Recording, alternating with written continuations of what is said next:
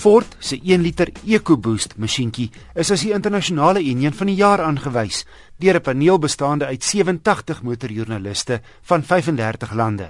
Die 1000cc turbo petrol is plaaslik ook in die Fiesta te kry. Voertuigverkope staan sterk ondanks 'n papperige ekonomie.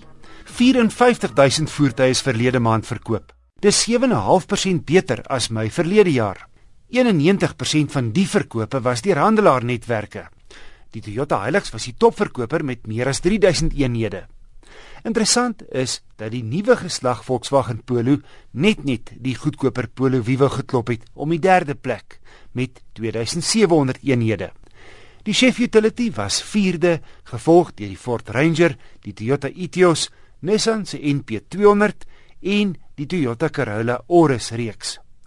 Die Suzuki en Ford Figo was in die 9de en 10de plek. Toyota was die algehele topverkoper, gevolg deur die Volkswagen groep. General Motors was derde, die Ford groep 4de en Nissan die 5de beste verkoper. Sekere plaaslike Jeeps word geraak deur 'n wêreldwye herroeping. Die eienaars van meer as 4000 Patriot en Compass modelle verkoop tussen 2010 en 2012 gaan gekontak word om gratis opgraderings by 'n handelaar te laat doen. Chrysler sê die sitplekgordels en seilligsakke kan foutief funksioneer. Geen ongeluk of beserings is egter al aangemeld nie.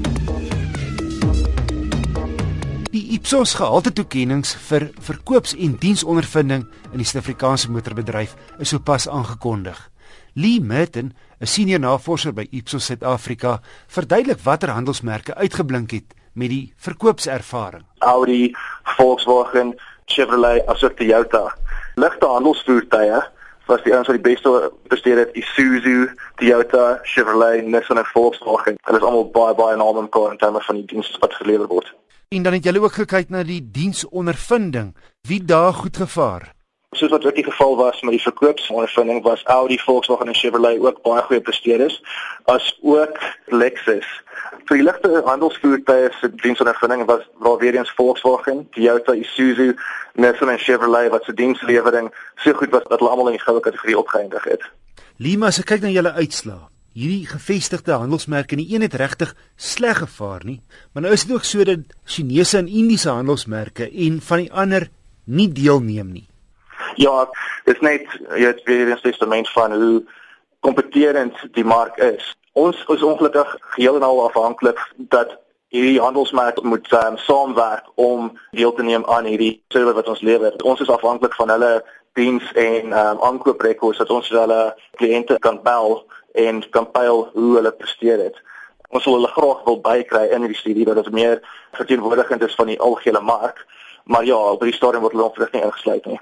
Hoe vergelyk uh, die uitslae met vorige jare sin?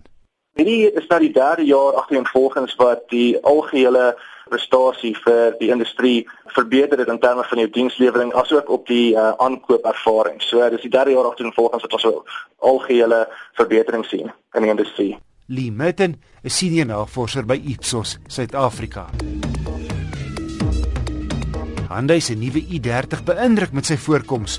Voorlangs trek hy sterk op die Elantra, agterlangs 'n moderne lykrig, die topmodel met aantreklike 17-duim alloy wiele.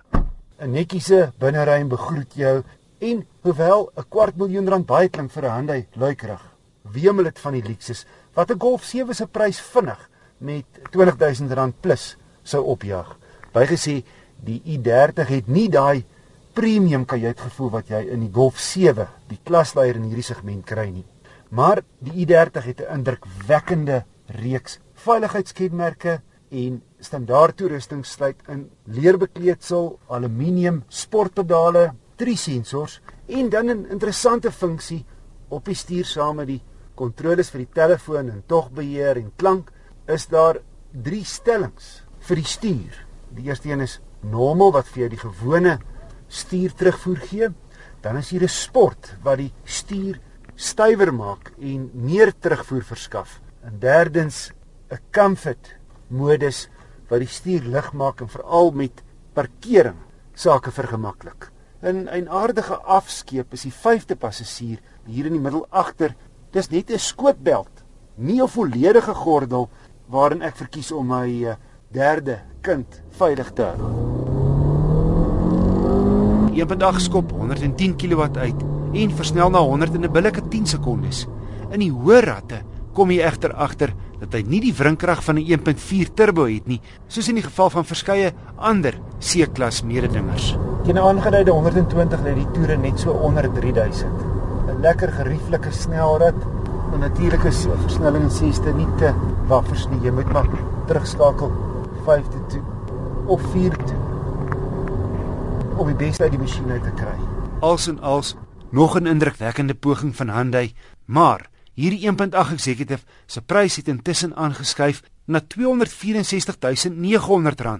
wat ongelukkig beteken hy het nie meer daai prysvoordeel wat Hyundai onderskei van sy mededingers nie. Die lykerig kos R10000 meer as sy Elantra sedan eweknie. Daar is 'n goedkoper i30, die 1.6 premium, maar ook dis alles behalwe winskoop teen R245000. Al die i30 modelle is baie goed toegerus, maar ek mis die brood en botter modelle teen 'n meer bekostigbare prys.